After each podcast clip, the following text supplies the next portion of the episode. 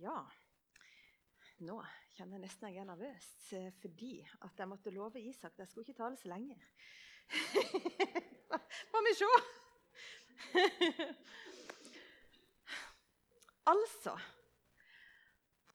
Vi er i en har det her i kirka, så har vi av og til noen sånn serie eh, hvor vi snakker flere søndager på rad. Liksom bare snakke om det samme fra forskjellige vinkler. Og nå denne våren så har vi en ganske stor tema som heter 'Livet med Jesus'. Altså det er jo litt sånn Ja, hvor skal du begynne, og hva skal du, er det noe du ikke skal ta med? Jeg vet ikke.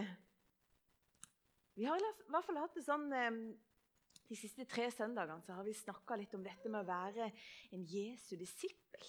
Og eh, at det er et sånt liv hvor vi egentlig hermer etter Jesus. At det er det det handler om å være en disippel, en lærling, som egentlig ikke Akkurat som når vi kjører bil, så kan vi egentlig ikke kjøre bil eh, når vi er lærlinger, men vi gjør det likevel, for vi har noen trygge på sida av oss.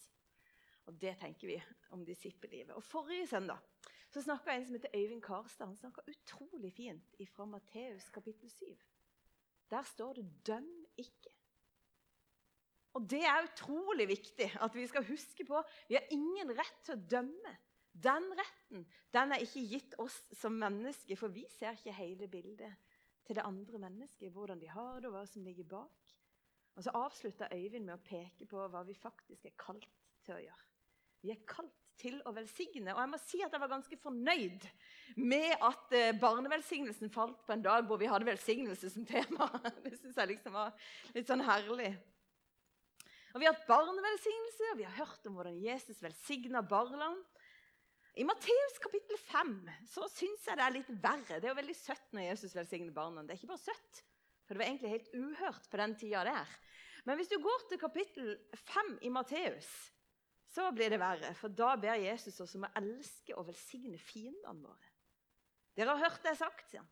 Du skal elske din neste og hate din fiende. Men jeg sier dere, elsk deres fiender. Velsign den som forbanner dere.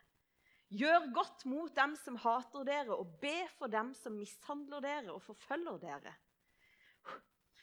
Slik kan dere være far, barn av deres far i himmelen. Jeg leste dette en forberedte meg, så tenkte jeg at én ting er i hvert fall sikkert. Å være kristen, å være en Jesu disippel, det er i hvert fall ingen lettvint løsning. Det er liksom ikke noe sånn eh, sugar-coated, eh, lett løsning på hvordan jeg skal leve livet. For dette er krevende. Elske fiende, velsigne de som forbanner deg. Jeg sier det til de som strever i Ukraina. Si det til de som blir torturert i land hvor det ikke er lov å tro, eller Ja. Dette er ikke enkle greier. Og jeg tar ikke lett på det. Selv om jeg håper at talen òg har en lett tone. Men jeg tenkte at jeg skulle begynne et annet sted enn i det vanskelige. Hva er en velsignelse? La oss begynne der. Hva betyr det å velsigne? På gresk i Bibelen, som Nytestamentet på gresk, Gammeltestamentet i stor del på det hebraisk. Evologeo på, hebra, det er på gresk. Og på hebraisk så er det barak. Kanskje jeg kjenner det igjen fra Obama. Barak. Og det betyr noe så fint som å tale vel om eller å handle vel med. Tale vel om og handle vel med. Og det ordet barakk Nå er det litt for de som er spesielt interesserte her, altså.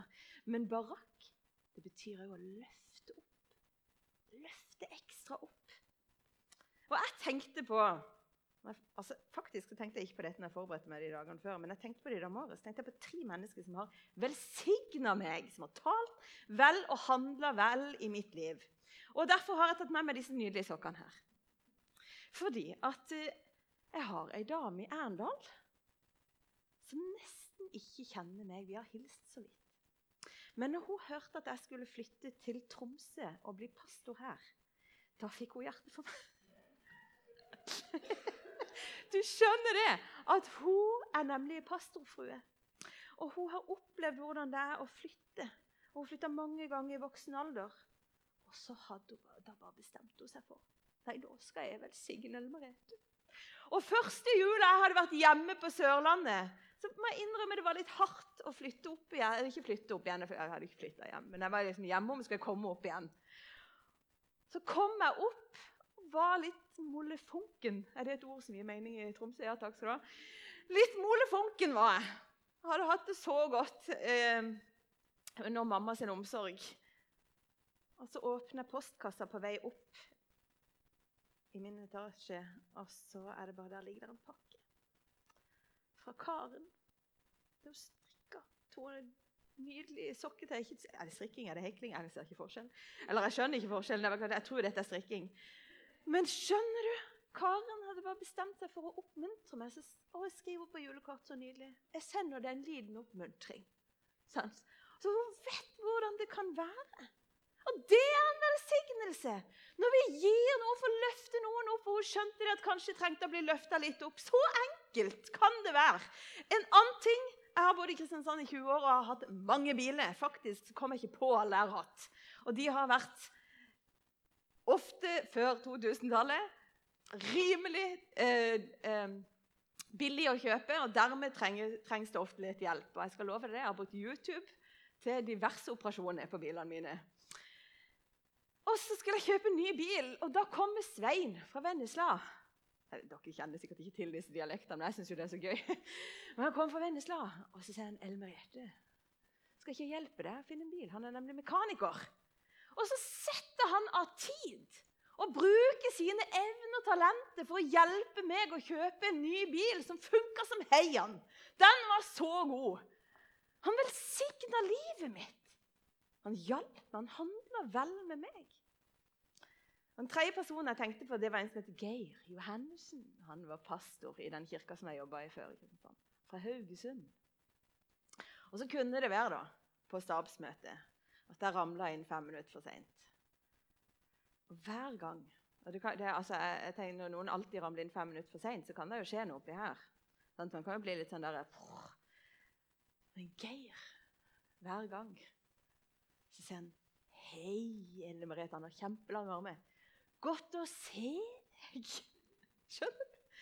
Så valgte han noe. Det var ikke det jeg måtte skjerpe meg litt. Jeg skjønner det, og det kunne vi snakke om. Men så valgte han å løfte meg opp med å snakke vel til meg. ikke det fint? Sånn kan velsignelse se ut, og sånn har det sett ut i mitt liv. og det hadde jeg bare lyst til å si at sånn kan det se ut. Velsignelse det står det om i Bibelen helt fra begynnelsen. Og det å tale det driver Gud med fra første Mosebok. Og det som er tingen er at Når Gud taler, da skjer det alltid noe.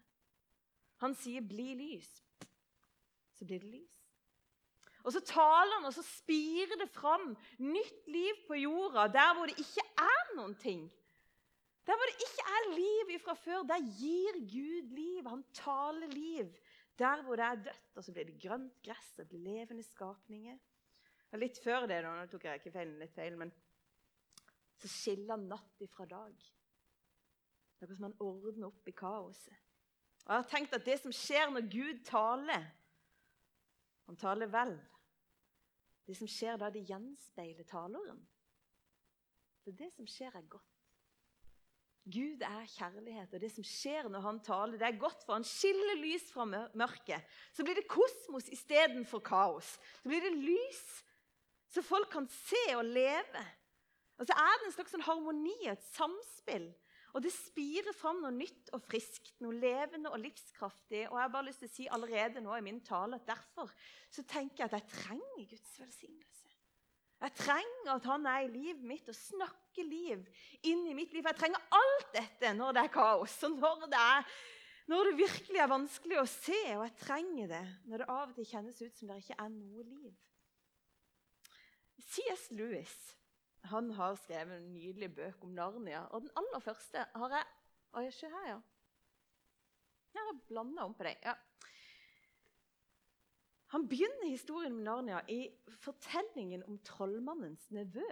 Og jeg tok det bildet der, bare sånn at du vet at det, den lydboka på en måte, den, det, eh, hørespillet, det ligger på NRK. Utrolig fint å høre på. Og Der skildrer han skapelsen som noe som skjer når løva Aslan, som liksom er Gud, når han åpner munnen, og så synger han.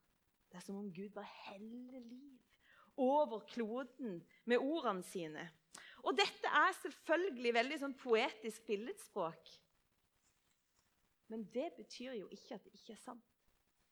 Dette er poetisk. Det er ikke et vitenskapelig akademisk språk. Men det betyr ikke at det ikke er sant.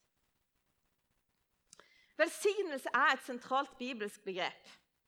Og allerede i skapelsen, i den første fortellinga, så står det om velsignelse, om barakk. Ikke Obama, men det står at Gud skapte mennesket i sitt bilde. I Guds bilde skapte han det, som mann og kvinne skapte han dem. Gud velsigna dem og sa til dem, vær fruktbare, bli mange, fyll jorda og legg den under dere.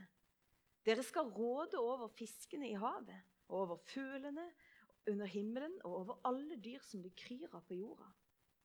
Og Gud sa, se, jeg gir dere planter som setter frø. Alle som finnes på hele jorda, og alle trær som bærer frukt med frø i, det skal dere ha å spise. Du snakker om å bli løfta opp.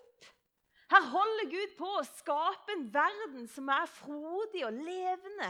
Han skaper en rytme i verden. Natt og dag. Det går an å liksom kjenne på at her er det hvilepuls. Og så løfter han opp mennesket. Han taler ut og så sier han, 'La meg skape det i mitt bilde'. Det er liksom upgrading, vil jeg si. Å få lov til å bli skapt i Guds bilde. Hva er det egentlig dette kan si for oss?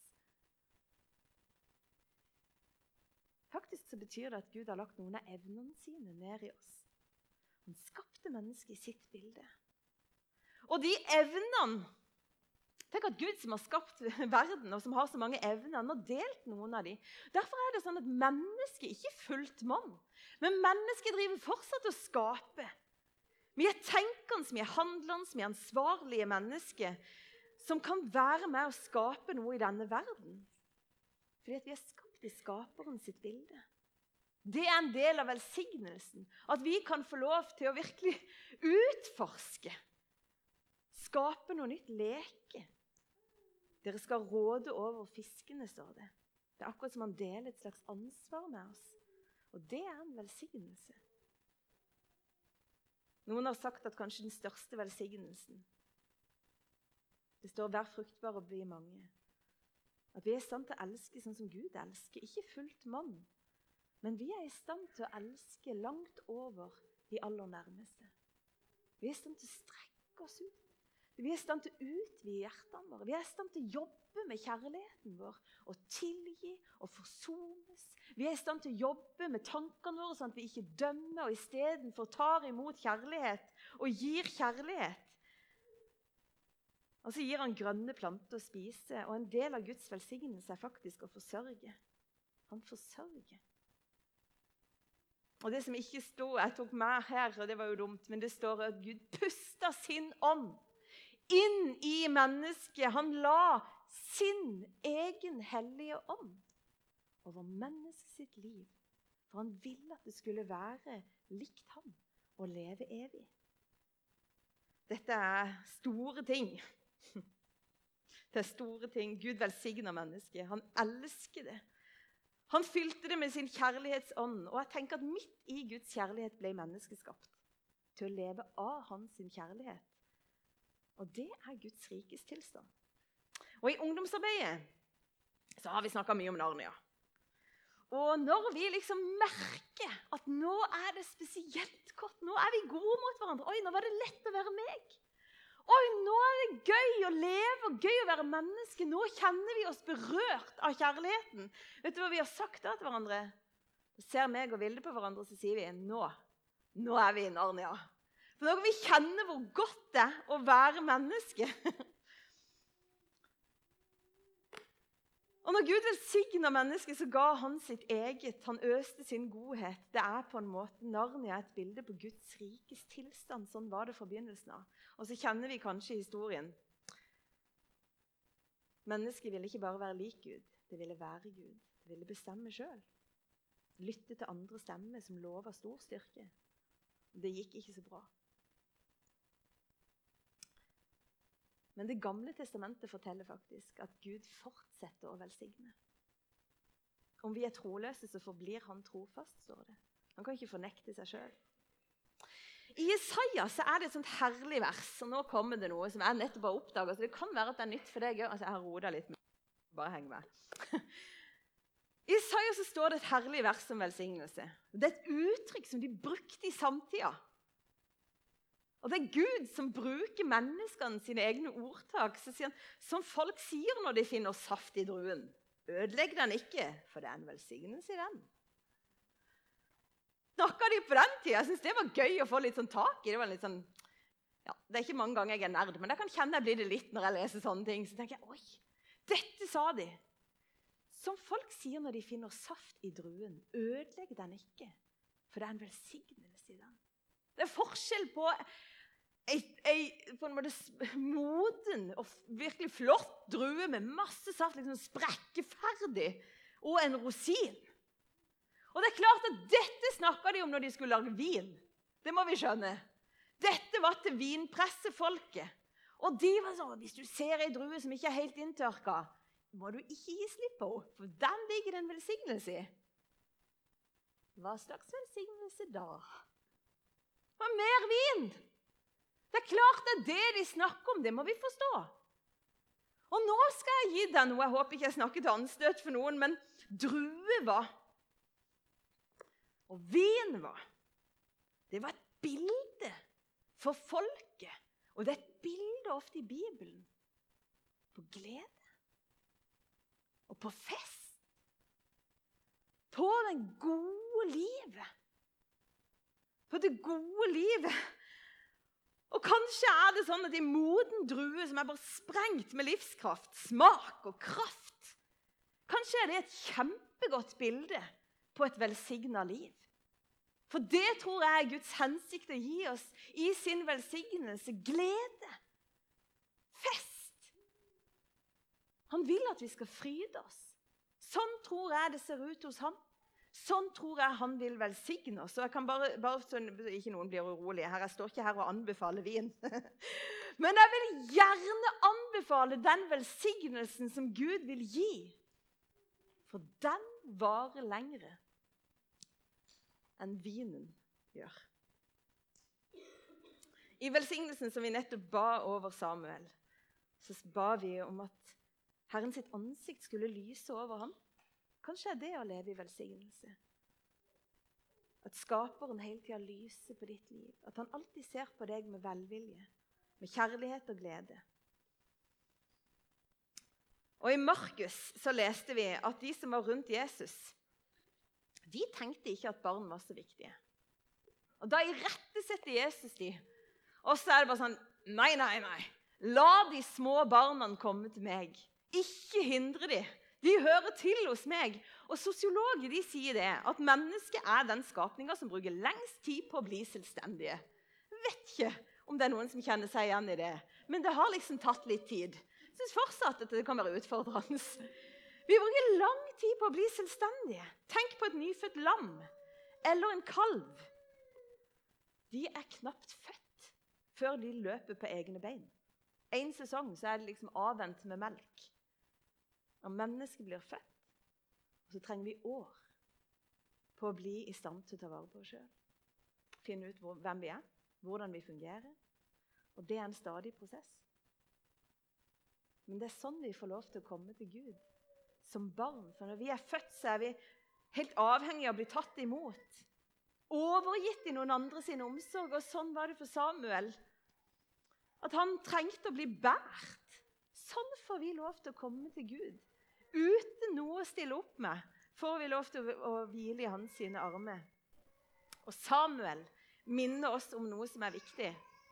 Vi har fått nåde hos Gud uten å ha gjort noen ting. Ja, det gikk godt. Uten å ha gjort noen ting, så har vi fått nåde hos Gud. Hvorfor det? Jo, for han elsker oss. Det handler om disippelliv, denne serien som vi snakker om her på Frimisjonen. Og I Lukas kapittel 17 så leser vi om ti spedalske som kom løpende Jesus i møte. Å være spedalsk var helt forferdelig. Da hadde du ikke håp for livet. Da var det bare å dø, for du måtte leve utenfor alle andre. Og du hadde ikke lov til å være, altså, du måtte forlate kone, barn, alt. Du kunne ikke få jobb. Du var avhengig av at noen ga deg mat. Hvis ikke så sulta du. Enten så sulta du, eller så døde du av sykdom. Og Så kom det ti stykk løpende mot Jesus. Og så er de bare så fortvila over eget liv, og så sier de 'Jesus, mester, miskunn deg over oss'.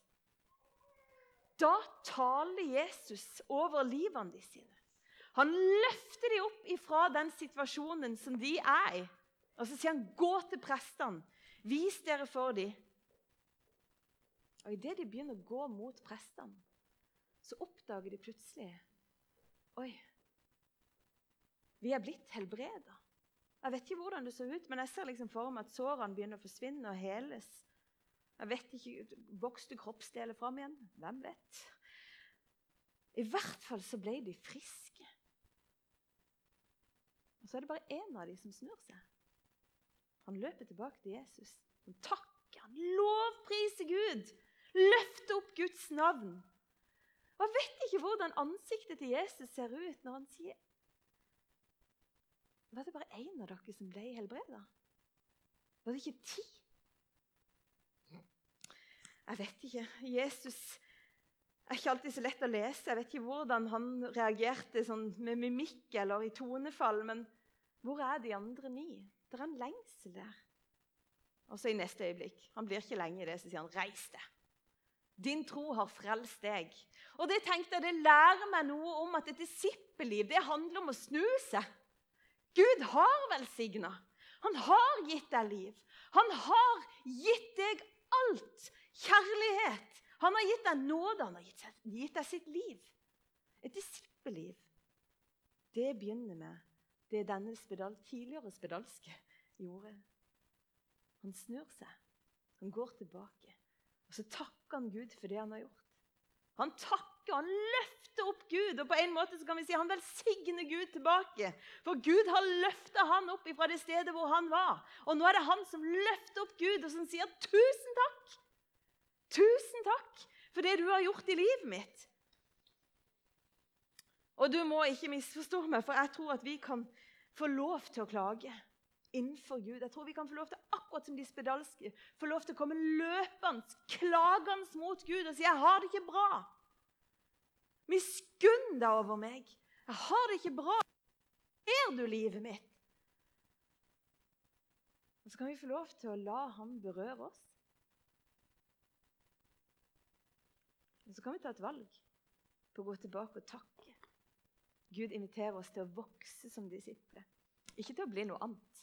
Vi skal bli enda mer av det vi egentlig er. Vi er Guds barn. Og Kanskje skal vi få lov til å bli modne Guds barn. Jeg skrevet her med spørsmålstegn som modne druer.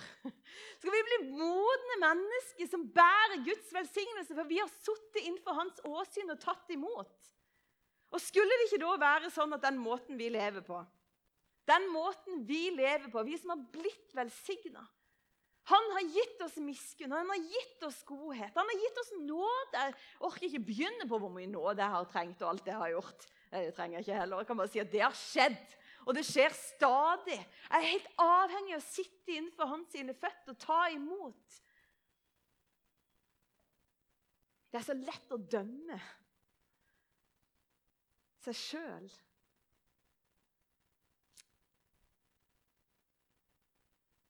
innenfor hans sine føtter, så får jeg litt mer nåde med meg sjøl. Og jeg kjenner på at det forandrer meg. Jeg sa innledningsvis at det som skjer når Gud taler, det vitner om hvem han er. Det som vi gjør, det skulle vitne om hvem vi er barna. Og så kan det være at du sitter her og tenker hvordan skal dette gå til? Altså Det sa Maria. Og det er jo ganske legitimt. Hvis du ikke har vært med noen mann, og Gud sier at du skal få et barn, så er det ganske legitimt å si hvordan skal dette gå til. Men det kan være at du har samme spørsmål. Hvordan skal det gå til at jeg skal bli et menneske som er til velsignelse for noen? Jo, På den ene sida har jeg lyst til å si du kan bare begynne. På den andre sida har jeg lyst til å si at det er et under å få lov til å være til velsignelse. Jeg har nettopp sett en film som heter noe med Miracles. Han ligger på Netflix. Søk Miracles, så kommer han sikkert opp. Som snakker om alle de daglige miraklene som skjer, og være til velsignelse. Paulus sier, 'Jeg har mottatt fra Herren det som jeg gir videre'. Men Hvis du kjenner på at du har det litt sånn, det er litt lite igjen av velsignelseskontoen din, Du kan få lov til å begynne med å være det barnet som Samuel viser oss at det går an å være, som blir bare båret fram sånn som du er, uten å ha gjort noen ting. Og sier, 'Her er jeg, Jesus. Her er mitt liv'. Du kan være sikker på at det gjør en forskjell. Da tror jeg at det å Hvis vi først er oppfylt, hvis vi først kjenner at vi er elska, hvis vi først har mottatt fra Herren da tror jeg at det å være til velsignelse, det å velsigne andre mennesker, at det ikke lenger kjennes som en plikt, men som en lyst, en glede. Jeg skal avslutte med en fortelling fra eget liv i løpet av de to siste ukene. Det var nemlig en ørliten notis i Bibelen. I Bibelen, så Der er pastoren inne. Det var ikke Bibelen i det hele tatt, det var en avis. Ja, da løpet nemlig sånn at Jeg leste i en avis, og for at ikke dette skulle bli altfor synlig, så skal jeg ikke si hvilken avis, men noen skrev noe om kristen tro og fellesskap som jeg bare kjente at var nummer én. Det var veldig sårende, men jeg ble mest irritert. Og jeg gikk og kjente på en utrolig sånn indre dialog og diskusjon oppi her. Det var kunnskapsløst vil ikke si hva jeg tenkte. Var så irritert. Jeg gikk og hadde en indre debatt med det her mennesket. Liksom bare, 'Du har jo ikke peiling. Dette stemmer jo ikke. Du er jo helt ute å kjøre. La oss, snakke, la, la oss snakke sammen.' Kom her! Det var mer den stillinga skjønner du. Jeg var ikke klar for noe. Altså, jeg, var, jeg var klar for å møte han, men til kamp Sånn var jeg. Skjønner du? Jeg hadde det sånn inni meg. Aldeles! Aldeles på krigsstien. Og jeg husker, jeg gikk jeg hadde vært og kjøpt meg noe mat. Jeg gikk hjem Storgård og gikk og hadde den indre dialogen. Du hadde ikke fått kontakt med meg om du hadde prøvd. Og så var det bare det at På kvelden da, så skulle vi på et bønnemøte her i kirka. ber vi hver tirsdag. Så satt jeg der, da. Satt så from, etter. Pastoren sitt. mm, hva? Ja, nei, jeg mener det. Jeg, be, jeg, mener ikke at jeg er from, men jeg mener at jeg ba. Eh, I hvert fall. Så sitter jeg der, og så blir det en sånn nydelig atmosfære. Jeg kan ikke si det på en annen måte. Og plutselig så ser jeg for meg denne mannen som jeg har drevet og kjefta på hele dagen uten at han vet om det. Og så kjenner jeg at noe forandres inni meg. Og så får jeg bare en sånn Akkurat som jeg bare kjenner jeg må be for ham. Og velsigne ham. Og noe skjedde inni her som gjorde at jeg forandra måten jeg var med han på. Og så måtte jeg si det til de andre. Jeg holdt på å le meg for Dere skulle bare visst hvordan dagen min har vært. Og så kunne vi sammen bare be og velsigne denne mannen som Gud har skapt, som Gud har elsket. Siden tidenes morgen som Gud har vist nåde. Sånn er han. Og så tror jeg at dette er viktig. For Gud har kalt oss til å ligne på Han, til å velsigne, til å løfte opp og tale vel om, til å ikke fordømme, men virkelig bare sette en standard for hvordan vi snakker sammen. Hvorfor det? Jo, fordi at vi tror at Guds rike kan bre seg der hvor hans kraft er virksom. Vi tror at han skal bre seg over hele jorda. Det kan han. Fordi at vi har fått tilgang på hans kjærlighet. Vet, når vi snakker om Narnia med ungdommene, så er det ikke bare noe vi sier fordi det høres så gøy ut. Det var så gøy film. Vi sier det fordi vi har erfart det. Vi har erfart at det er virkelig. Og vi vil leve i det og ved det og for det. At Guds rike, at kjærlighetens kilde, skal bres over denne verden. Og nå skal vi be. Kjære Jesus, jeg takker deg for at vi får lov til å komme som vi er.